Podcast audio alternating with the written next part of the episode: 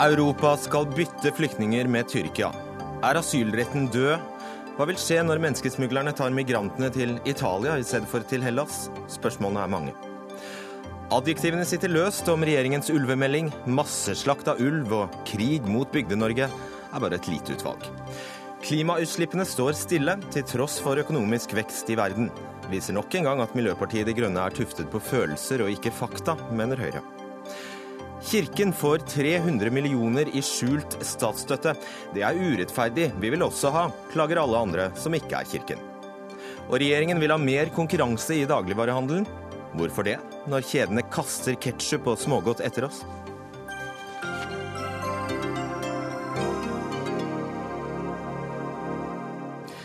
Da var det fredag, eh, og du ser og eller hører på eh, Dagsnytt 18. Mitt navn er eh, Fredrik Solvang. Ja, I dag ble det altså klart at EU og Tyrkia er enige om en avtale for å løse flyktningekrisen. Forhandlingene har vært intense, og avtalen trer trolig i kraft søndag. Enigheten innebærer bl.a. at alle flyktninger som ankommer sjøveien til Hellas, automatisk vil bli returnert til Tyrkia straks de er registrert og har levert sin asylsøknad. Europeiske land skal deretter ta imot flyktninger med gyldig opphold og fordele dem seg imellom etter et kvotesystem. Og Konsekvensen i dag har vært rush av flyktninger over Egerhavet. Ifølge tyrkiske tjenestemenn har den tyrkiske kystvakten stanset rundt 3000 flyktninger og migranter som forsøkte å ta seg over til Hellas. Starter med deg, Pål Frisvold, daglig leder i Gelmøyden Kise Brussel, tidligere leder i Europabevegelsen. Hvordan vil du beskrive denne avtalen? dette er en eh, svært viktig og veldig omfattende avtale. Det er derfor de har brukt så lang tid. Ehm, det er ikke så mye vi vet av detaljene. Akkurat når vi snakker nå, så foregår det en pressekonferanse hvor Tusk leser opp konklusjonene. Donald Tusk, altså. Eh, president Tusk, ja. Og Du hadde helt rett i selve hovedlinjene, men det er klart at her i Brussel så spør man seg om eh, er denne mekanismen eh, mulig å gjennomføre i praksis. Eh, man spør seg også om i hvilken grad vil den respektere FN-konvensjonen om ikke bare om menneskerettigheter, men også asylkonvensjonen. Så det er en del spørsmål, åpne spørsmål som, som må svares. Det er jo viktig at denne her er vanntett juridisk, slik at ikke det åpner for et uh, juridisk, uh, si, en juridisk Pandoras boks. Det andre spørsmålet som uh, folk spør seg her i Brussel nå, det er hva har Tyrkia nå fått igjen for dette? Vi hører at de har fått åpnet, altså at det blir blitt enighet om å åpne et nytt kapittel om medlemskapsforhandlinger. Et kapittel som ikke har med selve denne konflikten om Kypros å gjøre. Men uh, spørsmålet er når og hvor, hvilke krav har blitt lettet i forhold til visumfrihet. Og Det er eh, en, et helt sentralt poeng for EU-landet, men også selvfølgelig for Norge. Og Da er det ikke alle som er like begeistret for eh, tanken om 75 millioner tyrkere visumfrie i Europa. Men Frisvold, jeg vil bare tilbake til Tyrkias Eh, hvilke insentiver som ligger her for Tyrkia? Avtalen går jo da altså ut på at, eh, at migranter og flyktninger som kommer til Hellas fra Tyrkia, for en periode skal sendes tilbake til Tyrkia. Eh, så skal altså Schengen-landene hente ut én syrisk flyktning for hver som returneres til Tyrkia. Hvilke insentiver har da Tyrkia til å stanse denne strømmen? Ja, altså, dette er en dette er et forsøk mellom land for å unngå å bekjempe en krisesituasjon. Og da er det klart at uh, Tyrkia for det første så uh, får de insentivet om at de får en åpning, at man skal akselerere forhandlingene om medlemskap. Og dette som du nevnte, med å lette på, på visumkravene. Eh, men i tillegg så skal de også da selvfølgelig betale for de utgiftene som Tyrkia har for dette. Mm. Og vi husker på at Det andre er at eh, dette er ganske nytt i forhold til den eh, forholdet mellom Hellas og Tyrkia. Dette er jo et veldig anspent forhold, men nå ser vi at det, det, det som man peker på som er litt oppsiktsvekkende i konklusjonene, det er at tyrkiske myndigheter skal nå operere på på gresk grunn sammen med FNs høykommissær for flyktninger for å, for å administrere dette. Jørgen Karling, forsker ved mm, PRIO, Institutt for fredsforskning. Jeg stiller samme spørsmål til deg. Altså når, når Tyrkia blir kvitt i anførselstegn, en av sine syriske flyktninger for hver de altså greier for hver flyktning som da ankommer til Hellas fra Tyrkia, så virker det ja. som Tyrkia ikke har veldig mye å tjene på å stanse det. Nei, og insentiver er et, eh, et, nøkkelord her. fordi det skaper jo da, som du indikerer, insentiver for tyrkiske myndigheter å opprettholde strømmen av flyktninger til Hellas. Samtidig som for flyktningene selv så skaper det andre insentiver på den måten at ingen vil være tjent med å selv ta den reisen og kaste bort de pengene og så bli sendt tilbake. Særlig når det da presiseres at de som sendes tilbake, de vil stilles bakerst i køen for bosetting i Europa. Samtidig som ingen blir jo bosatt i Europa hvis ingen reiser. Så her er det noen eh, mekanismer som gjør det veldig usikkert hvordan dette vil eh, arte seg. Har du forstått det slik nå at Hellas blir et gigantisk asylmottak? At alle asylsøknader skal behandles der?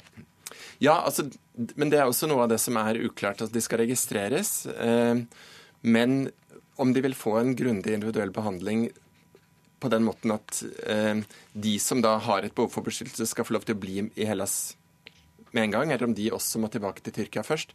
Det er jo noe av det som er, som er uklart i dag. For hele hensikten med avtalen forsvinner, ja, to, to sekunder, så hele hensikten med avtalen forsvinner vel hvis en familie fra Afghanistan etter søknad får innvilget opphold i Europa? Ja. Nettopp. Eh, Frisvold? Ja, altså, for Det første så skal de som, eh, det skal jo opprettes disse hotspotene i Hellas. Så Der står det klart i konklusjonene at der vil det bli foretatt individuell uh, vurdering av hver flyktning. Slik at man ikke man har gått bort fra det, de ryktene som sa at det skulle være en kollektiv utvisning. Det vil ikke finne, skje, uh, finne sted. Det andre er at uh, dette gjelder ikke bare flyktninger fra Syria. De som kommer til Tyrkia vil kunne søke fra Tyrkia. Og det er det som er eh, det som, er, det som fraviker FNs asylkonvensjon. Mm. Mm. Men dette er altså gjort tidligere. Vi vet avtalen mellom Spania og Marokko f.eks. Når det sto på som verst, at du fikk masse nordafrikanere inn i Spania, så, ja, så opprettet man lignende steder i Marokko hvor de fikk anledning til å søke før de okay. kom inn i EU-landene. Ja, og Vi bare merker oss at Røde Kors i dag eh, Karling, har, sagt ved Mats Harlem har sagt at avtalen ser ut til å undergrave retten til å søke asyl. Tilbake, altså, litt til dette med menneskesmugling. Altså, dette må jo åpne opp et et gigantisk nytt, større marked for, for uh, menneskesmugling? Ja, eller endrer i hvert fall veldig på insentivene uh, også i, i, selve smuglingen. På den måten at til nå så har jo alle de som har kommet til Hellas, ikke hatt noen ting å tape på å bli fanget opp av systemet med en gang. Mens nå blir jo hele poenget å komme seg usett inn i Hellas, for da ikke å bli returnert med en gang. Ja. Eller, Eller om de f.eks. velger en ny rute gjennom det kaotiske og uregjerlige Libya, f.eks. over til Italia. Hva skjer da? Ja, altså det er blitt både, både, blitt pekt på muligheten for at den ruten igjen blir viktigere, og det har vi sett for så vidt tendens til bare den siste uka. at uh, fordelingen mellom ankomster i Hellas og ankomster i Italia har igjen dreid i retning av Italia. Er man like langt, da, eller? Ja, eh, for så vidt. Men, men. Eh, her, for det første så må vi huske på at eh, Nato har nå gått med på å sette inn flere marinefartøy i Egerhavet for å stoppe eh, de båtene som går over der. Cameron kom med eh, Nå hørte vi akkurat eh, pressekonferansen til Cameron, hvor han hadde tatt initiativ nettopp overfor Libya. Han skal ha flere marinefartøy. Og vi ser der at eh, det er jo noe som er, setter hardt mot hardt, og det minner mer om den politikken som Australia driver, nemlig å jage disse båtene tilbake. Slik at det er jo et ønske om å få flyktninger og migranter til Tyrkia for få, at de skal få rettighetene, samtidig som man skal være ganske harde og ser ut som brutale for å stoppe mm. de båtene som prøver å komme over Middelhavet. Siste kjappe spørsmål til deg, Karling. Hva slags uh, moral er det i å samle sammen migranter i et land, for så å bytte dem med migranter i et annet land? Jeg syns faktisk det er vanskelig å konkludere helt før man har forstått hvordan dette vil arte seg i praksis, og ikke minst for alle de ulike gruppene av folk som, som er i en ulik situasjon når de plutselig befinner seg midt i den avtalen. Og dette skal vi snakke mye om. Takk skal dere ha, Jørgen Carling og Pål Frisvold. Dagsnytt 18 alle hverdager kl 18.00 på NRK P2 og NRK2.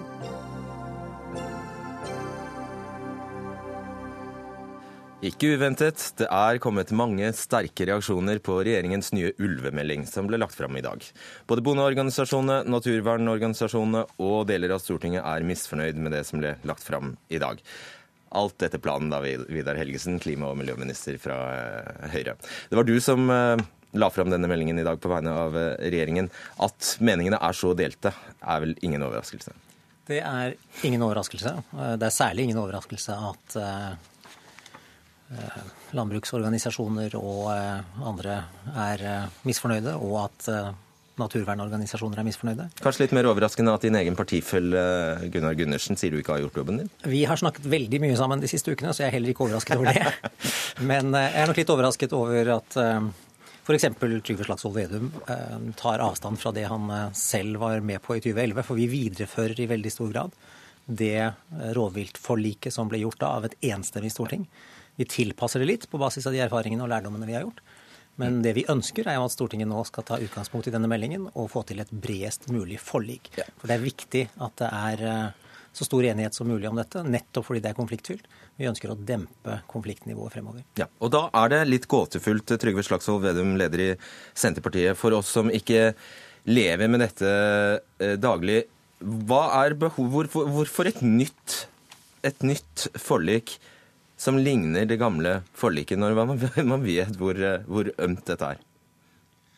Men poenget var jo at i 2011 så ble vi ikke enige om ulv. Eh, bestandstallet og målet vi har på ulv er fra 2004, da Børge Brende var miljøvernminister. Og så var det en ny diskusjon om rovdyr i 2011. Da ble vi enige om bjørn, jerv og gaupe. Og på ulv så ble vi enige om det at vi skulle regne med grenseulv. Eh, og så skulle man ha en forhandling med Sverige, og så skulle man ta en ny runde med bestandstallet etterpå. Så det er faktum. Alle kan gå inn og lese. Bare google det. Men problemet i dag er jo at Vidar Helgesen glemmer hvem som blir berørt av ulvepolitikken. Og Det er derfor Gunnar Gundersen i Høyre har så annet syn enn Vidar Helgesen i Høyre. Og det er derfor Nord-Trøndelag Høyre har et annet syn, Hedmark Høyre har et syn, Oppland Høyre har et annet syn enn det Ring 3 Høyre har. Og Ring 3 Høyre sitter i Oslo nå og, og, og gjør en forverring for folk som bor i rovdyrutsatte områder. Og vi skulle gjort en forbedring. Vi skulle hørt på dem. Hatt tillit til den lokale forvaltninga og tatt, tatt, på alvor det lokale grunneiere og lokalbefolkning har sagt over lang tid. Og Derfor så er dette her en oppskrift på uh, krig, konflikt, masse misnøye, istedenfor at vi nå kunne brukt denne muligheten til å dempe konflikten. og Det syns jeg er veldig trist. Uh, krig? Er du seriøs? Ja, altså Selvfølgelig ikke heldigvis uh, i det ordet. Nei, Men det er noe med ordbruken her. Ja. Men det er så mye frustrasjon. Det er fordi at folk føler seg så overkjørt, så umyndiggjort, så latterliggjort. Folk som har brukt utmarka i generasjoner, vært fornuftige, har brukt beiteområder i generasjoner. Mm. Og så plutselig skal de bli fratatt den rettigheten. Og i tillegg dummeliggjort når de sier noe annet. Altså Hedmark Høyre brukte et ord som ikke jeg ville brukt om regjeringas arbeid. De kalte det et makkverk. Uh, og det, er jo, det sier noe om konfliktnivået. Okay. Og nå burde vi roa det ned, Helgesen, istedenfor å gire det opp. Og de forslagene det her ja, kommer med, ja. vil skape mer uklarhet og dårligere løsninger. Vedum. Nei, unnskyld, Helgesen. Ja, hvis Vedum ønsker å roe ned konfliktnivået, så burde han kanskje tenke litt over hvordan han uh, nå ordlegger seg. Jeg syns det er viktig at vi nå får en bred debatt. Det er første gang vi legger frem en stortingsmelding om ulv her i landet. Den inneholder mange muligheter. Vi gir Stortinget flere alternativer. Så peker vi på det regjeringen mener er naturlig. Og Det er i stor grad en videreføring. Det er ikke noe som det? Det er ikke noe som plutselig kommer dumpende ned. Eh, det at vi har en ulvesone i Norge, det er et resultat av at vi har bestemt oss for lenge siden at vi skal ha ulv, og vi er forpliktet til å ha ulv. Samtidig som vi skal ha beitenæring i dette landet. Og vi eh, ønsker enten å videreføre dagens ordning, hvor vi har tre helnorske eh, ynglinger, eller unge kull, og, eh, eller at vi tar hensyn til grenseulven. Og da vil vi i så fall ha et intervall, fem til åtte ynglinger, men fortsatt tre som skal være helnorske.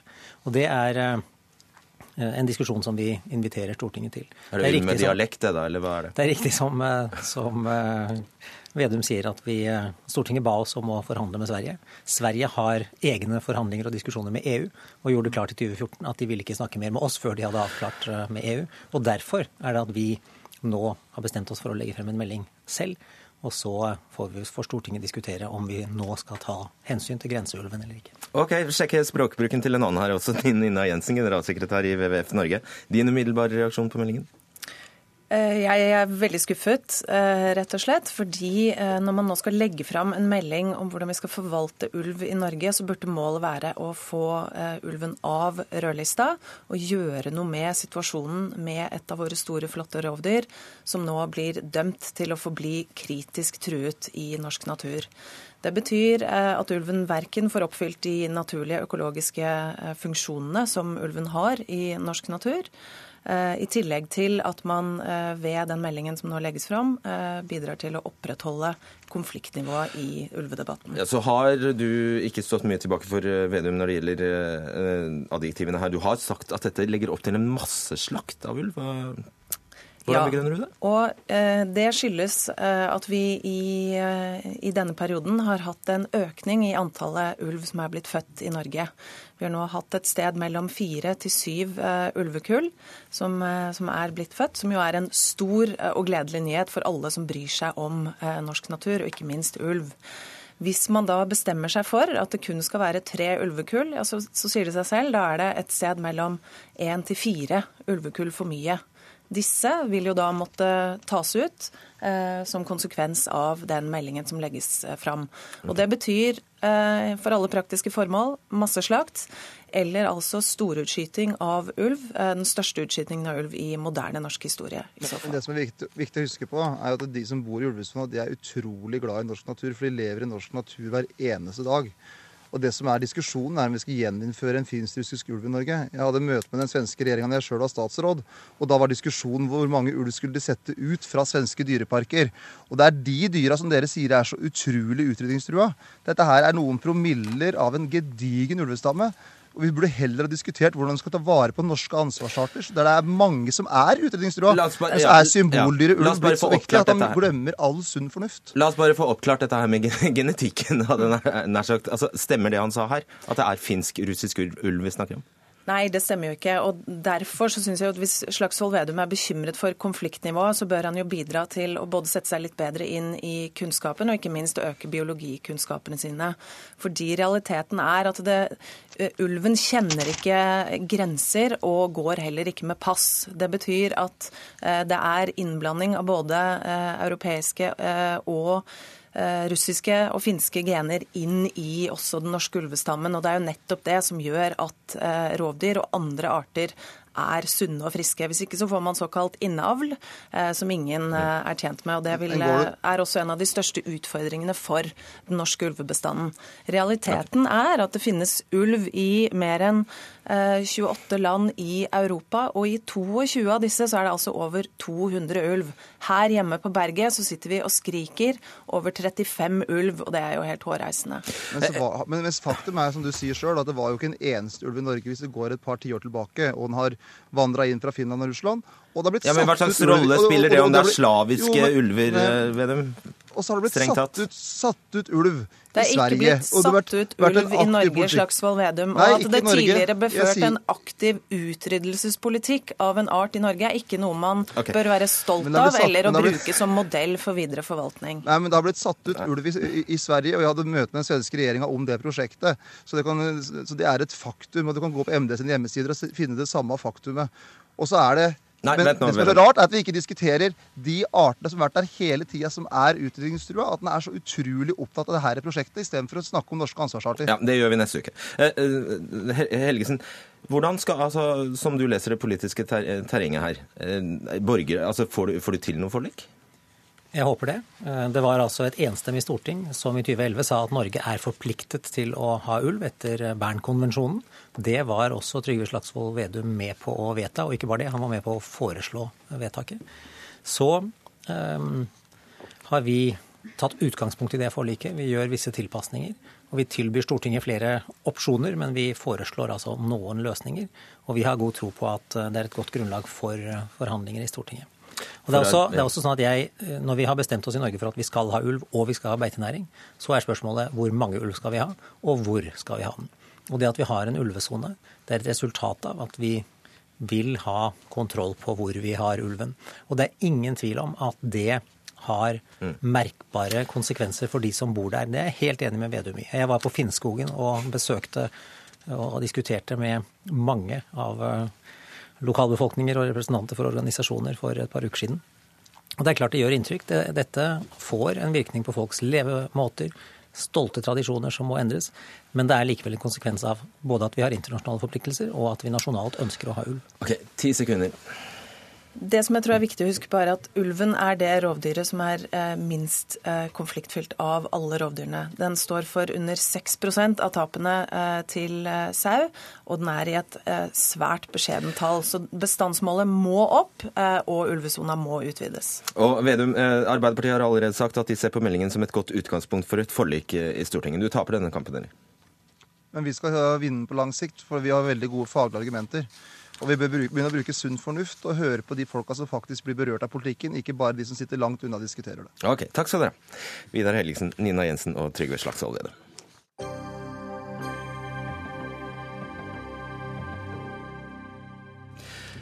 Innvandrerkvinner faller ut av arbeidsmarkedet i langt større grad enn andre norske kvinnelige arbeidstakere. Det er særlig de nye gruppene flyktninger, somaliere og irakere som sliter med å holde på deltidsjobber, viser en undersøkelse utført av Fafo. Eh, undersøkelsen viser at det såkalte løsarbeidersamfunnet ikke virker, hevder SV. Vi skal først snakke med deg, Hanne Cecilie Kavli. Du er seniorforsker ved Fafo. Det er din kollega eh, Heidi Nikolaisen og du som står bak denne undersøkelsen om deltid og kvinner. Hvis du bare raskt kan ta hovedfunnene for oss. Ja, altså, Vi var veldig glad for at vi for en gangs skyld skulle få lov til å studere innvandrede kvinner i arbeidslivet, og ikke bare alle de som står utenfor. Eh, derfor så ble vi jo litt demotivert når vi så den store eh, andelen som faktisk eh, hadde fått en fot innenfor i norsk arbeidsliv, men så, som du forteller, forsvinner ut over tid. Det vi har gjort, er at vi har tatt utgangspunkt i registerdata eh, og startet med alle kvinner som var i lønna arbeid i 2009. Og så har vi fulgt dem i registrene over tre tre år. Uh, og så har vi plukket ut noen landgrupper som vi har sett spesielt på. Uh, og da er det flere ting vi ser. og Det ene er at uh, det er en betydelig andel kvinner som jobber i det vi kaller stabil deltid. Dvs. Si at de hadde en deltidsstilling både i 2009 og tre år etterpå, i 2012. Ehm, men uh, når vi Det er ikke noe gærent i det, hvis det er ønskelig? Det er ikke noe gærent i det, hvis den er frivillig og mm. hvis den er en del av det regulerte arbeidslivet. Og blant uh, norske kvinner så er den ofte det. Altså Andre studier enn våre har vist at uh, det er relativt høy forekomst av frivillig deltid. 80 av, av deltiden kan være frivillig? Nemlig. Nemlig. Men, Men blant disse kvinnene? Men blant en del av de kvinnene, og nå er jeg over på de kvalitative intervjuene, som vi også har gjort blant kvinner som da jobber deltid, så ser vi at det er ikke bare den stabile, gode deltiden som dominerer, men også eh, det som må karakteriseres som ufrivillig og ganske dårlig deltid. Kan du gi et eksempel på den typiske innvandrerkvinnen som altså da eh, har en fot innenfor og blir kastet ut? Eh, jeg vet ikke om jeg skal kalle henne en typisk eh, kvinne, men en av de vi snakket med, var en som hadde, hun hadde investert i eh, høyere utdanning. Hun hadde tatt helsefagarbeiderutdanning. Men selv etter fire og et halvt år i, på det sykehjemmet hvor hun jobbet, så sleit hun med å få fast stilling ut over de 18 som hun hadde. 18% 18% stilling.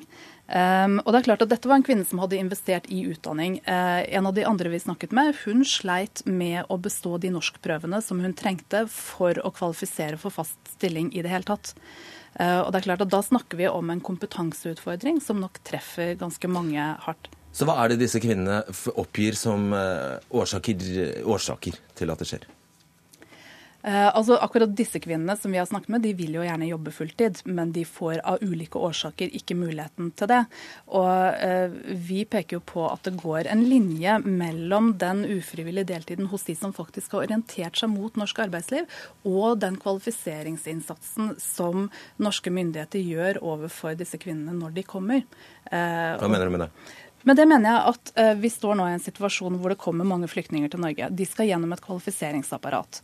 Uh, det kvalifiseringsapparatet det må holde en kvalitet som faktisk kvalifiserer disse kvinnene i tråd med de kravene som finnes i norsk arbeidsliv. Og Det er klart at det holder ikke bare å få en fot innenfor hvis du ryker raskt ut igjen fordi du mangler den kompetansen som trengs for å få en stabil tilknytning. Interessant. Du blir med oss videre, men du skal få slippe å, å debattere din egen forskning. Vi har derfor innkalt Erlend Wiborg, stortingsrepresentant og medlem av Stortingets arbeids- og sosialkomité for Frp, og Karin Andersen, stortingsrepresentant for SV. Først til deg, Wiborg. Dette virker jo som alt annet enn god integreringspolitikk. Hva skal til, mener du, hovedsakelig for å få innvandrerkvinner til å bli, komme inn i arbeid og bli der? Nei, Det er eh, veldig sammensatt. Eh, men det denne forskningen viser, er jo at norsk integreringspolitikk eh, ikke har fungert. Og at de som hevder at det ikke er noen utfordringer med innvandringen til Norge, at de har tatt feil. Og det viser også viktigheten at vi må ha en begrenset innvandring til Norge, sånn at vi kan få satt inn ressursene på å få integrert de som allerede er her, og ikke ukritisk ha åpne grenser. Men jeg tror det handler om flere ting. Hvordan vi kan få flere innvandrere, innvandrere og spesielt innvandrerkvinner, ut i arbeid. Det ene handler om språkopplæringen. Eh, den må vi eh, intensivere ytterligere.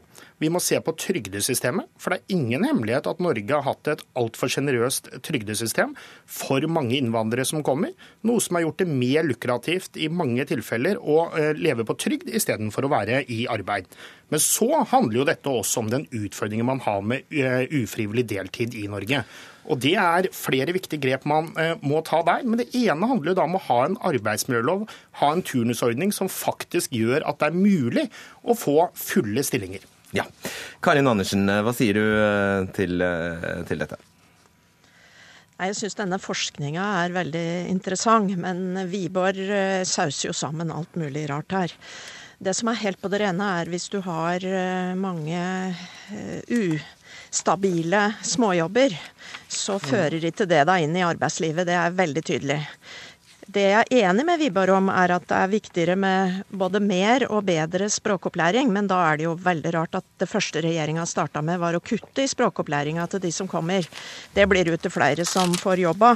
Men jeg tror liksom det viktigste denne undersøkelsen viser, og som Wiborg og regjeringa burde ta på alvor, er at vi er i ferd med å få liksom et et sjikt i arbeidslivet som på tross av at de er stadig innom i småjobber, allikevel ikke får fotfeste i arbeidslivet. Og da er det jo også veldig lett at de havner i det som forskning kaller prekariatet, altså de som lever helt prekært, og som også må kombinere dette med ulike typer svart arbeid for i det hele tatt å klare seg. Og det arbeidslivet er vi, liksom vi i ferd med å skli mm. inn i.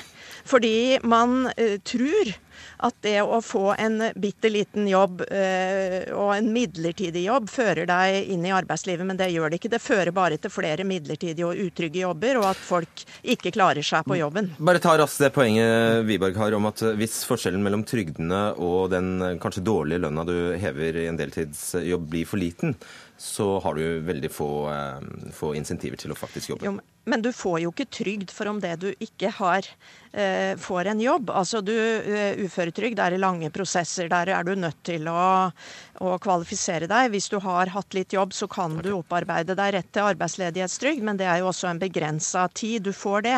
Så det der å, å, å spre disse mytene hele tida om at eh, man får trygd i Norge bare man ikke har en jobb, det er jo helt feil. Og du sitter jo med regjeringsmakt, så du får bare kutte i trygda ja, hvis det er så lett. Nei, det er jo derfor vi har tatt flere grep F.eks. når det gjaldt eh, barnetillegget i uføretrygden, som eh, vi gjorde endringer på. Da sa vi at ingen skal få mer i uføretrygd og barnetillegg enn 95% av det de ville hatt i full jobb. Altså skulle det gjøre at det lønte seg å arbeide. Det var SV imot. SV syntes det var greit at flere hadde, altså tjente 20-30% mer på å motta eh, trygd enn på å jobbe. Og da skjønner alle at det skaper et sjefssystem. La meg bare fullføre, Karin Andersen, ikke avbryt. Eh, for en annen feil Karin Andersen sa, at vi har kuttet i språkopplæring. Det er direkte feil. Vi har sagt at vi vil prioritere språkopplæring blant de som skal få være i Norge, de som får opphold i Norge. Og, de, og da syns vi det er helt riktig at vi kutter i språkopplæring til de som faktisk skal sendes ut av Norge. Vi må okay. prioritere ressursene her. Er det sånn, Andersen? nei, nei. Altså De fleste som sitter på asyl, asylmottak nå, og det er de som har fått kutt i opplæringa, kommer til å forbli, fordi de kommer fra land som, eh, der det er, eh, de har beskyttelsesgrunn. Sånn at, mm. og, og, der sitter folk lenge, og dess lengre du sitter uten å begynne å lære deg norsk, og lære deg norsk godt, dess vanskeligere er det. Det andre er jo dette tøyset med barnetillegget. Det er de, altså de fattigste uføre barnefamiliene. Det er jo ikke ett av de menneskene som blir friske igjen, som blir, eh, blir kvitt kreft, eller om du er, sitter i rullestol eller er blind. Dette er jo bare tøys å si at de skal, liksom, det skal være et insentiv for de til å bli friske. Det, er jo, det, det Barnetillegget handler om at de som har lavest trygd, skal kunne ha et ordentlig liv for seg og unga sine, fordi de okay. ikke er i stand til å jobbe. Bare veldig kort, for Det som er utfordringen, Karin Andersen, det er at den forskningen som nå kommer, den er frem til 2012. Altså den forskningen er basert da på din, eh, ditt parti i regjering. Eh, og det er jo ikke sant, skal man gjerne si, Du mener tydeligvis at alt da var eh, bare bra og ikke noe problematisk. Men nå har vi jo fasiten på resultatet av din politikk. Er det ikke da kanskje på tide å se på noen nye grep og faktisk innse at integreringen med Sosialistisk Venstrepartis politikk ikke har vært vellykket, og det faktisk er på tide at vi nå må tørre å sette noen krav faktisk til de som kommer, og også klare å begrense men, men, de innvandrere som kommer til Norge, sånn at men, vi faktisk kan få integrert de som allerede er her. Da vi, altså, integreringen går veldig mye bedre enn det Wiborg sier, men det som er helt på det rene, er at man trenger mer norskopplæring, og man trenger mye mer individ-tilrettelagte eh, introduksjonsprogram. Da viser all forskning at da kommer mange flere til å klare seg av det. Forskningen og Statistisk sentralbyrå viser at integreringen ikke har vært vellykket under den rød-grønne regjeringen, og at, vi fortsatt, at det er stort behov for sterke grep. Vi skal la Hanne Cecilie Kavli få avslutte dette. Er det, noe, er det noe, noe vi kan gjøre ganske raskt for å hindre at eh, de, de rett og slett faller ut? Jeg tror jeg vil begynne med å si at Å kutte i offentlige overføringer det kan øke motivasjonen for å finne lønnet arbeid, men det hjelper lite dersom kvalifikasjonene mangler. Mm. Så jeg tror at mye av løsningen her det ligger i å prioritere kvalifiseringsarbeid. Eh, og da handler det ikke bare om å drive rask integrering, da må vi drive god integrering også. Ok, Vi noterer oss det. Takk skal dere ha, Hanne Cecilie Kavli, Erlend Wiborg og Karin Andersen.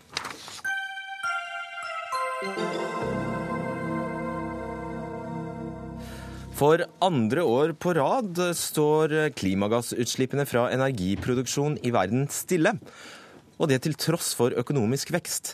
Det viser ferske tall fra det internasjonale energibyrået IEA, som peker på at det er fornybar energi som i første rekke har gjort at utslippsveksten har stoppet. Og dette viser nok en gang at Miljøpartiet De Grønne er tuftet på følelser, sier du stortingsrepresentant for Høyre Henrik Asheim. Klarte ikke å dy deg? Nei, jeg gjorde ikke det. Fordi eh, Miljøpartiet De Grønne er et parti som har eh, over mange år argumentert for at det går ikke an å både ha økonomisk vekst og redde klima. Og den store driveren for å ha økonomisk vekst, for å løfte millioner ut av fattigdom, det er energi. Du må ha nok energi for å klare å gjøre det. Og vi har ikke klart før nå å koble de to tingene fra hverandre. Altså mer energi har betydd mer forurensning. Nå klarer verden det. Likevel har Høyre hatt kullsviertro på den teorien i alle år. Ja, men for all del. Altså, verden har gått frem på veldig mange områder, men akkurat energiproduksjon har i veldig stor grad innebåret mer CO2-slipp. Nå gjør det ikke det lenger. Og Det betyr at det slår beina under den teorien som Miljøpartiet De Grønne lenge har basert sin politikk på og sin retorikk på. Eh, og da står de egentlig igjen som et ideologisk parti. Og det er greit å være en ideologisk parti mot økonomisk vekst, men ikke skyv klimakampen foran det for å kjempe mot eh, økonomisk vekst. Politisk rådgiver for Miljøpartiet De Grønne, Knut Falk Kvikstad. CO2-utslippene har altså praktisk talt stått stille, til tross for eh, økonomisk eh, vekst. Da er det vel eh, litt rart at MDG sier slike ting som at det største problemet med kapitalismen er vekstfokuset, fordi det skaper miljøproblemer. Det stemmer rett og slett ikke? Jeg vil jo si at det er vi som har de faglige grunnlaget på, på stell her. Jeg vil, Aller først så vil jeg jo si at det er ganske stas at vi faktisk har fått til å stabilisere klimagassutslippene fra energisektoren. Men det er ikke alle klimagassutslippene. Det har Høyre åpenbart eh, glemt. Det er også store utslipp f.eks. fra metan, og det er alt tyder på at det øker. Bare for å klarere, altså bare for, for, å oppklare, altså Det er snakk om 60% av de totale, den totale mengden klimagassutslipp i verden om lag som uh, energisektoren står for. Det er riktig. Ja. Det er ganske betydelig. Ja. ja, men det er ikke alt. Nei, det er ikke alt. Og så er det én ting til. Grunnen til at De Grønne sier at vi er nødt til å redusere forbruket vårt, det er at miljøproblemer er mer enn klimautfordringer. Det er et mye bredere sakskompleks enn det her.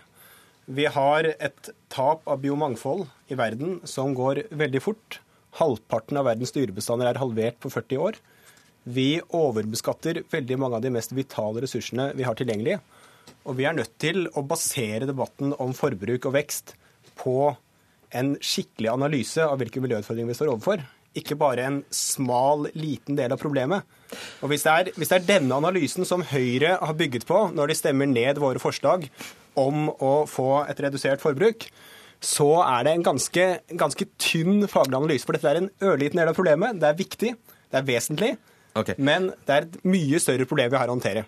Og altså, altså, Det du jubler over nå, er faktisk egentlig at Europa fortsetter å øke sine utslipp, mens nedgangen altså er, er, har kommet til USA og Kina. Ja, som er de to store utslippsverstingene i verden. Mens Europa øker sine utslipp. Jo, men Europa nå går gjennom et ganske betydelig grønt skifte. Vi skal kutte utslippene i Europa med 40% og Noe av det som vi f.eks. har hatt utspill om, det er å bruke mer norsk vannkraft for å kompensere for fornybar i Europa. Det er Miljøpartiet De Grønne imot. Rasmus Hansson har til og med sagt at det er et problem å ha politikk som gjør at det blir flere barn. Altså Hvis du går forbi en barnehage og ser barn leke, og det du tenker er her er det fremtidig CO2-utslipp, så har du ganske negativt syn på verden. Og jeg mener at det store problemet med Miljøpartiet De Grønne det er at de, altså, den retorikken og den måten de tenker på, det har vi møtt på mange ganger gjennom menneskets historie. Og hver gang har de tatt feil fordi det er klimapessimister. De sier at dette kommer ikke til å gå. På 50-tallet sa man vi kan ikke leve med 3 milliarder mennesker på jorden. Nå er vi 7 milliarder mennesker. Fattigdommen går ned. Sånn at veldig mye går i riktig retning. Og det som er det store problemet, det er to ting. Det ene er at altså, deres syn på det er feil, for det er en veldig pessimistisk syn på fremtiden. Og det andre er at de da bidrar til å spore av hele klimadebatten. Jeg tror mange mennesker er enig med Miljøpartiet De Grønne i å beskrive et problem, men hver gang det kommer til løsninger, så sier dere nei, nei, nei, og dette er for vanskelig og vondt. Vi må jobbe seks timer istedenfor åtte timer, vi må ta på seg genser osv. Det er ikke løsningen. Optimisme, tro på teknologi, tro på at vi kan få til dette, det er løsningen. Det er jo i hvert fall et lite poeng, Kvikstad, at det har ikke noe for seg at vi får dyrere strøm her i Norge, i hvert fall, hvis, dette, hvis denne utviklingen, utviklingen fortsetter. Så det må dere vel fjerne fra programmet, i det minste. Hvis vi klarer å bruke være litt mer energieffektive, som vi kan få til hvis vi utvikler teknologi, så eh, vil det gi mer tilgjengelig balansekraft i Europa, som er helt avgjørende for å få til et energisystem der som er bærekraftig. Så det er, det er poeng nummer én. Eh, ellers så kommer jo Asheim med flere påstander som, eh, som, ikke er riktige her. Ta den Men, mest alvorlige, den mest graverende. For det første er det helt feil at De Grønne mener noe som helst om hvorvidt man skal ha befolkningskontroll. Det er rent tull. Det er helt feil. Og så til hovedpoenget. Fakta er at man i Norge i dag per person beslaglegger 2,5 ganger mer enn det jorda tåler over tid. FN-rapport fra 2014 viser at man ligger an til å øke forbruket av biomasse, av mineraler og fossil energi tre ganger fra 2000 til 2050.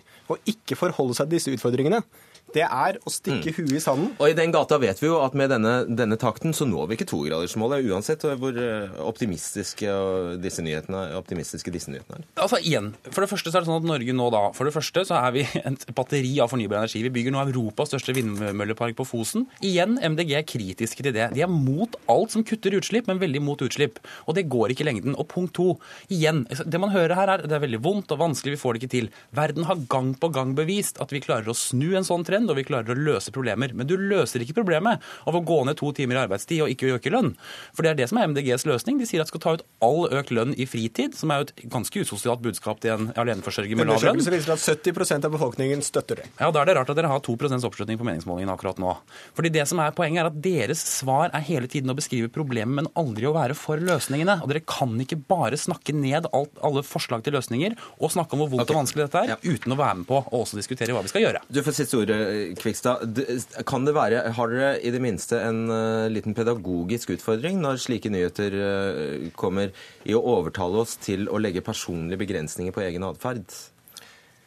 Det er nok godt mulig at vi må klare å formidle helheten i en god miljøpolitikk tydeligere, men jeg tror at veldig mange folk forstår at man ikke kan forbruke som man hadde tre kloder når man bare har én. Det er relativt intuitivt for uh, for veldig mange. Men eh, det er klart at det må vi jobbe med å få enda tydeligere frem. Og så er det jo direkte feil at våre løsninger ikke er positive og fokusert på teknologi.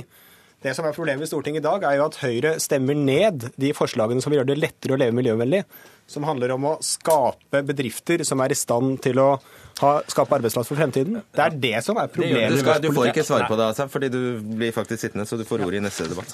Takk skal du ha, Knut Falk Kvikstad og eh, Henrik Asheim, som blir med oss videre. Hør Dagsnytt 18 når du vil. Radio NRK Radio.nrk.no.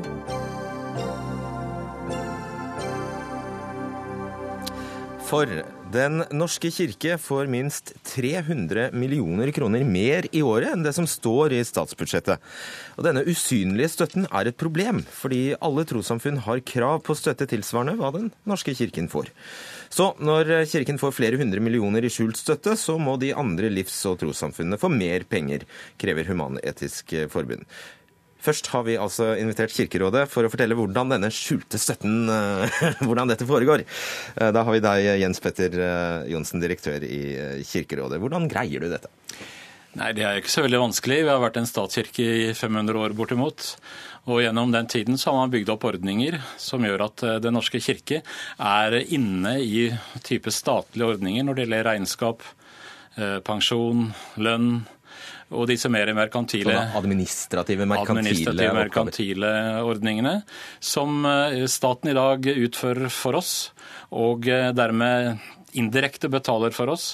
Eh, men nå når vi skal skille lag, og vi skal eh, finansieres på egen hånd, så må også de utgiftene overføres til oss som tilskudd, slik at vi kan betale de regningene vi får for å kunne gjøre akkurat det samme.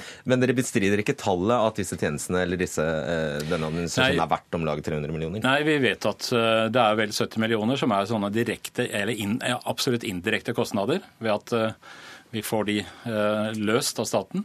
Men så er det også et sted eh, pluss-minus 300 millioner som er den pensjonspremien som man antar, som man foreløpig bare beregner, at vi er nødt til å få fra staten for å kunne betale tilbake til Statens pensjonskasse. Men det har aldri vært regnet på før, og det skal først regnes på per 1.1.2017. Mm. Og nå, når dere skal klare dere selv, altså fra 1.1.2017, da er skilsmissen, eh, da er skilsmissen eh, et faktum. Da må dere plutselig begynne å betale for disse tjenestene. Skal det, hvor skal de pengene komme fra? Nei, De pengene må komme fra staten, eh, fordi det er staten som skal finansiere Den norske kirke også fremover.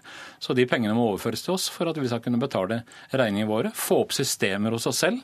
Lønn, mm, pensjon eller lønn og personal og regnskap. Eh, og så må vi få de pengene vi skal ha for å kunne betale Statens pensjonskasse. Og da er hele clouet at eh, finansieringen av de andre livssyns- og trossamfunnene her i landet er basert på medlemstallet og på den, det tilskuddet Den norske kirke får. Så når dere da har holdt 300 millioner unna det regnskapet, så mener de seg forfordelt. Altså at de har fått for lite. Ja, nå er Det slik at det er staten som regner på dette. Det er staten som bestemmer hvordan, hva som skal legges til grunn for støtten til de andre. Så dette er det staten som må svare for, ikke vi. Du er helt uskyldig. Akkurat i dette er jeg helt uskyldig. Ok, så deilig. Eh, foreløpig takk til eh, deg, kirkerådsleder. Eh, Lars, unnskyld, direktør. Lars Petter Hegelstad, du er rådgiver i Human-Etisk Forbund. Og dere har altså det er ikke sånn at dere krever tilbakebetaling, sånn er det ikke. Men dere krever penger. Ja, fra 2017, når da Den norske kirke skal få 300-400 millioner kroner ekstra for å finansiere eller kjøpe eller produsere disse tjenestene selv, så er det naturlig at dette tas inn i beregning beregningen av tilskudd til andre tros- og livssynssamfunn. Hvorfor det? Fordi um, Grunnloven sier at alle tros- og livssynssamfunn skal understøttes på lik linje med Den norske kirke. Eh, og det har vært praktisert sånn siden 1969, eh, selv om da en god del kostnader har vært holdt utenfor. Eh, har dere visst dette? Vi har visst om dette lenge. Vi har ikke visst at det har dreid seg om så mye. For det er jo som sagt første gang det har blitt gjort beregninger på hva dette dreier seg om. Det har vært gjemt disse kostnadene i ulike departementer. ikke sant? Finansdepartementet har betalt til pensjon. og det har gått fra ulike steder rundt omkring uten at det har vært skilt ut og handlet spesielt om Den norske kirke. Så hvis staten kun finansierte statskirken, så ville det vært diskriminering på religiøst grunnlag og dermed i strid med menneskerettighetene. Så Derfor så må det ryddes opp i dette. Da er det jo veldig ulogisk hvis dere mener dette dreier seg om et prinsipp og ikke krever tilbakebetaling og etterbetaling? Ja, vi kunne gjort det hvis vi skulle gjort oss vrange og vanskelige. Nei, Hvis dere skulle vært prinsipielle? Ja, men Vi er veldig lite tilbakeskuende og veldig fremadskuende. Mm -hmm. Nå må vi få på plass gode ordninger for framtida. Det er målet. Riktig. Henrik Asheim, stortingsrepresentant for Høyre, velkommen eh, igjen. Takk. Eh, det stemmer jo dette her at Grunnloven eh, sier at tros- og livssynssamfunn skal motta samme økonomiske støtte, så her har du bare ett å gjøre. Ja, men Det er helt riktig. Altså, det er sånn at 1.1 så skiller vi kirke og stat. Da går vi bort fra statskirkeordningen. Og Da kan du nesten si at det er et slags skilsmisseoppgjør. Og det er at vi har jo da, Frem til da så har jo de ansatte i kirken vært ansatt av staten, f.eks. Det er viktig å si at Støtteordningen til trossamfunn i Norge er ekstremt raus. den er en av de rauseste i Europa, om ikke den rauseste. Og Det betyr at medlemmer i organisasjoner, tros- og livssynsorganisasjoner får en, et kronebeløp som tilsvarer det Den norske kirken er. Men så er det da et beløp oppå som man nå snakker om, og det er jo da at f.eks. noen pensjonsordninger og sånne ting som har vært med på statskirken. Og Vi har ikke konkludert på akkurat hva vi skal gjøre der, men det er verdt å merke seg at likebehandling forutsetter jo like tilfeller. Og selv om vi skiller stat og kirke, så sier Grunnloven også at vi skal ha en norsk folkekirke. Den skal være i alle deler av landet. Den, skal være, altså, den er en, en særstilling allikevel. Og det er vel kanskje da... derfor noen spør seg om det virkelig er et skille, da. Men... Ja, og dette er jo, ja, ikke sant? det kan man godt diskutere, men dette er jo et kjempebredt og viktig forlik på Stortinget. Så. Men det betyr altså at noen av disse ordningene her, de kommer jo også av at vi stiller andre krav. Det gjør ikke skillet mer reelt. Nei, men at vi stiller andre krav til Den norske kirke enn det vi gjør til Humanitisk Forbund, f.eks. Ja, det, er mye som gjenstår, det er mye som gjenstår i skillet mellom stat og kirke også 1.1.2017. I Grunnloven bl.a. Masse reguleringer i kirkeloven osv. Vi trenger ikke ta det nå. Um, men realiteten nå er jo at vi som er medlemmer vi som ikke er medlemmer i Den norske kirke, har jo da i årevis vært med på å dekke statens utgifter til kirkens pensjoner, forsikring, regnskap, revisjon, advokattjenester osv. osv. Um, og um, ja, samme, På samme måte som ateister betaler for medlemskapet i Human-Etisk Forbund.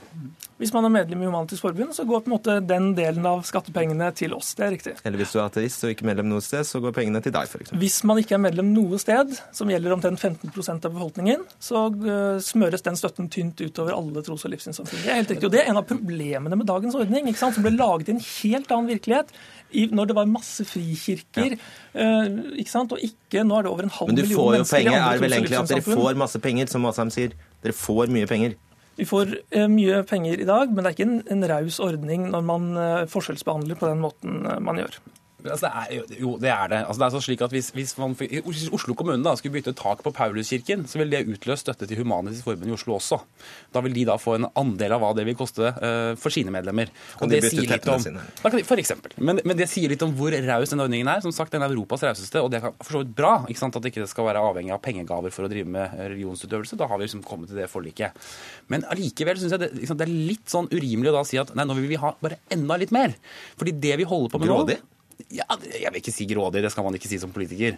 Men det er på en måte, sant, bare, sant, når den er såpass raus, den ordningen, og det, det, vi holder på med nå, er å skille stat og kirke. Men det er en lang prosess. Og det er også sånn at Norske kirke, forrige statskirke, nå norske kirke, skal jo også gjennom en del omstillinger og sånne ting. Og da må vi også se det i sammenheng. sånn at her tror jeg ikke vi skal snu en supertanker over natta 1.1. Nå skal vi eh, gjøre dette trinn for trinn. Bredt forlik i Stortinget forutsetter brede forlik også om hvordan vi skal følge det opp. Det jeg fremdeles ikke forstår helt, er at når du, når du, da viser til at dette er en årelang urett mm. dere er utsatt for for så er det jo bare enda mer uforståelig at dere ikke krever etterbetaling. Ja. ja, kanskje vi skulle gjort det. Da hadde vi i hvert fall, hadde vi i hvert fall vært grådige.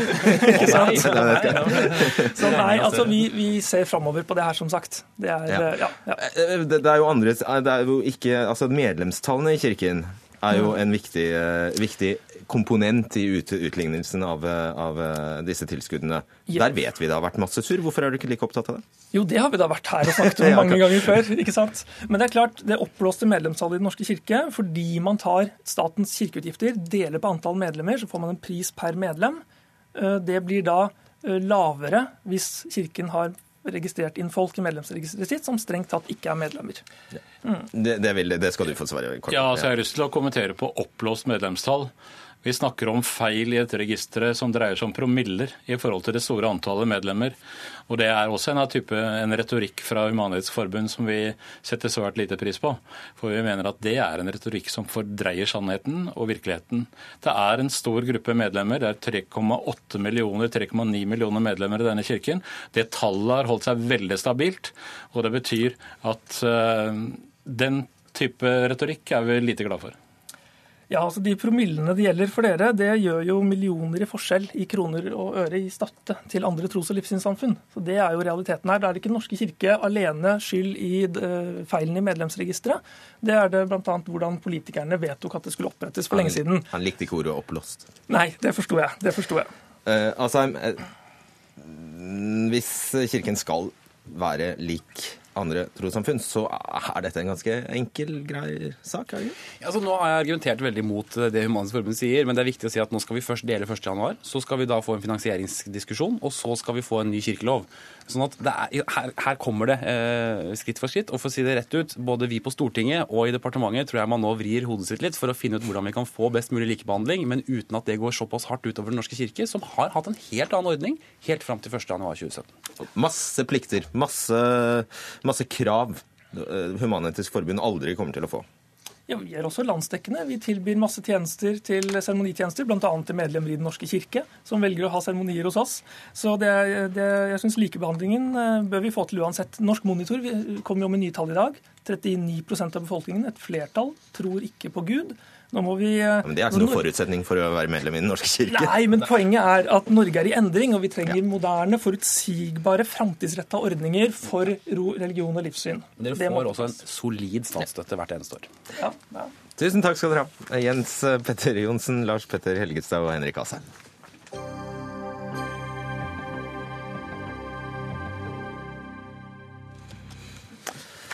For eh, ja, skal vi se, regjeringen og Konkurransetilsynet vil ha mer konkurranse innenfor dagligvaremarkedet, som nå domineres av eh, tre giganter. Og nå lanseres en rekke tiltak som skal skjerpe konkurransen og sørge for å få nye aktører inn på markedet. Dette provoserer kjøpmennene kraftig. Eh, de mener det aldri har vært så tøff konkurranse som nå. Først i deg, Gunnar Gundersen, Høyres næringspolitiske talsmann. Ja, utvidet informasjonsplikt om fusjoner og oppkjøp, analyser av utvekslingen av informasjon for å se om det kan være et hinder for konkurransen. Det er blant de tabloide tabloide eh, smakebitene fra denne, denne meldingen uh, som din næringsminister nå har lagt fram. Um, hva er det egentlig dere ønsker å oppnå? Vi ønsker å oppnå en effektiv konkurranse til beste for forbruker. Det vet vi er det eneste virkelig, som virkelig hjelper overfor forbruker. Det er å ha en effektiv konkurranse i markedet. og jeg tror jo, som det kom fram av introduksjonen her, at vi har en eh, rimelig effektiv konkurranse i det norske dagligvaremarkedet. Men vi har også fått en ganske betydelig konsentrasjon. Og da er, på, da er, det helt nødvendig at vi fra politikkens side er oppmerksom på det, sånn at ikke konsentrasjonen øker ytterligere. For da vil, da vil det bli slutt på konkurransen. Altså da er det bare to stykker igjen, da? Ja, nettopp. Da er det bare to. Så, så tre er i grunnen et minimum. Og da, da, er det på tide å sette i verk en del tiltak, sånn at vi beholder i hvert fall den konkurransesituasjonen vi har i dag. Så, så er vi også opptatt av og eventuelt kunne fjerne etableringshindre og sånne ting. Men, men, vi har jo hatt noen eksempler både med Lidl og med Ica som viser at eh, selv sterke utenlandske aktører har Eh, klarer, ikke klarer å etablere seg i Norge. og Det er jo et tegn også på at konkurransen er ganske tøff i Norge sånn som den er nå. Og bare veldig kort da, Stikkordet er små aktører. Dere ønsker flere små, mindre aktører inn? Ja, og det er en utfordring. For det, det, det norske markedet er ganske spesielt. Det er, det er jo betydelige stordriftsfordeler med å drive distribusjon i Norge. Det sier seg nesten sjøl. Og for en liten aktør å etablere en effektiv distribusjonskjede, det er veldig utfordrende. Og det er jo noe av grunnen til at vi har fått den eh, konsentrerte situasjonen som vi nå har. Mm.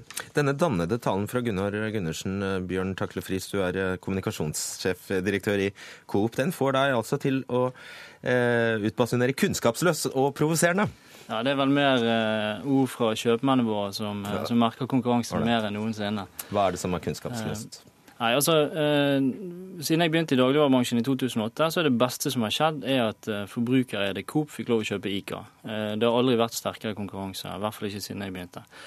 Eh, akkurat nå så ruller det priskriger eh, uke etter uke, og eh, kjøpmennene taper penger for hvert produkt som går ut av, ut av døren. Så, så, det er beviset på at det er nok konkurranse, liksom? At dere ja. kaster smågodt etter oss? Nei, men det er mye mer komplisert enn akkurat det med smågodtet. men det er jo marginene disse kjøperne lever av. Og vi, eh, vi har tøffere marginer enn på, på, lenge, lenge. Og det handler om at det som før var i realiteten to veldig sterke aktører og to litt mindre sterke, bl.a. Ica, der jeg jobbet før, eh, som var veldig svake, er nå blitt tre sterke aktører fordi at Coop har fått mye mer konkurransekraft. Og, og det vi, vi kaller ekstraeffekten, dvs. Si at eh, dagligvarekjeden Ekstra, som eier Coop, mm. har nå fått kraft til å kjempe mot Kiwi og Rema om å bli den billigste kjeden. Og det er en knalla konkurranse hver eneste dag. Hvor er det Gundersen fundamentalt tar feil?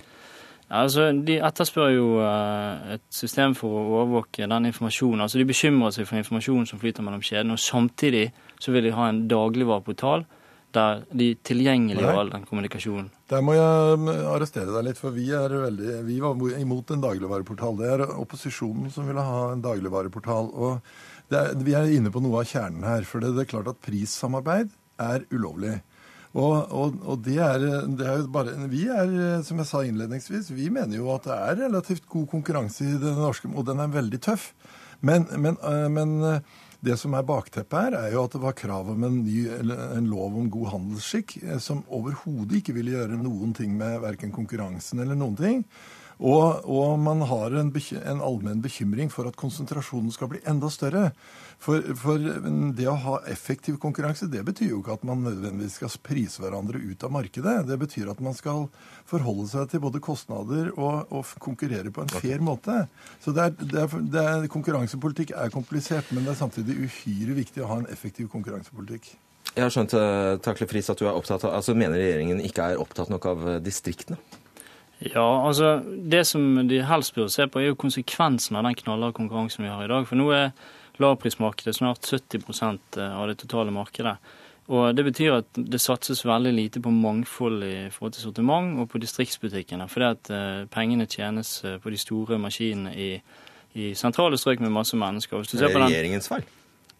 Om det er regjeringens feil? Er det regjeringens feil at du bare lager tre typer skinke til oss?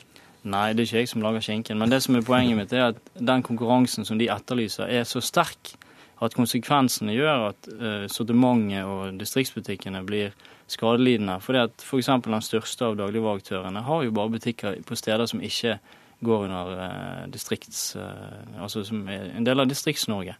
Så det burde være en større bekymring enn selve konkurransen, for konkurransen er helt formidabel. Men den, men den utvidede, altså Her er det en del samfunnsutvikling som det ikke er lett for regjeringen å gjøre noe med. Det vil være atskillig tøffere om flere aktører i markedet i Oslo enn det vil være ute i Distrikts-Norge. Det tror jeg ingen kan gjøre noe med. Men, men det er jo nettopp derfor vi uh, innfører den utvidede informasjonsplikten, og at det skal gjelde alle. For hvis det er sånn at den ene kjøper opp deler av virksomheten til den andre og blir totaldominerende ute i de mindre markedene ute i Distrikts-Norge, så skal Konkurransetilsynet også ha en mulighet til å gripe inn mot det. Er dere imot denne informasjonsplikten? Nei da, vi er ikke imot noen informasjonsplikt. Men det vi eh, har snakket om i forhold til den dagligvareportalen som han da sier at ikke er Eh, deres forslag er jo, er jo at, eh, at, da åpner man for enda mer informasjon som gjør at det blir lettere å se prisene til hverandre. Men der er vi helt enige. Altså, vi mener at det er direkte ødeleggende for konkurransen. Ja. Men, men, det var som sagt opposisjonen. Ja, som sagt opposisjonen. Men, men, når det gjelder Distrikts-Norge, så går det jo an å gjøre noe med, med Merkur-programmet, som er veldig viktig. Og der har jo det blitt bevilget mindre penger nå enn tidligere. Gundersen, altså hvis du er, hvis du er bekymret for, eh, for, konkurransen, så er det jo elefanten i rommet i dette landet er jo, som du vet, tollvernet og monopolene. Ja.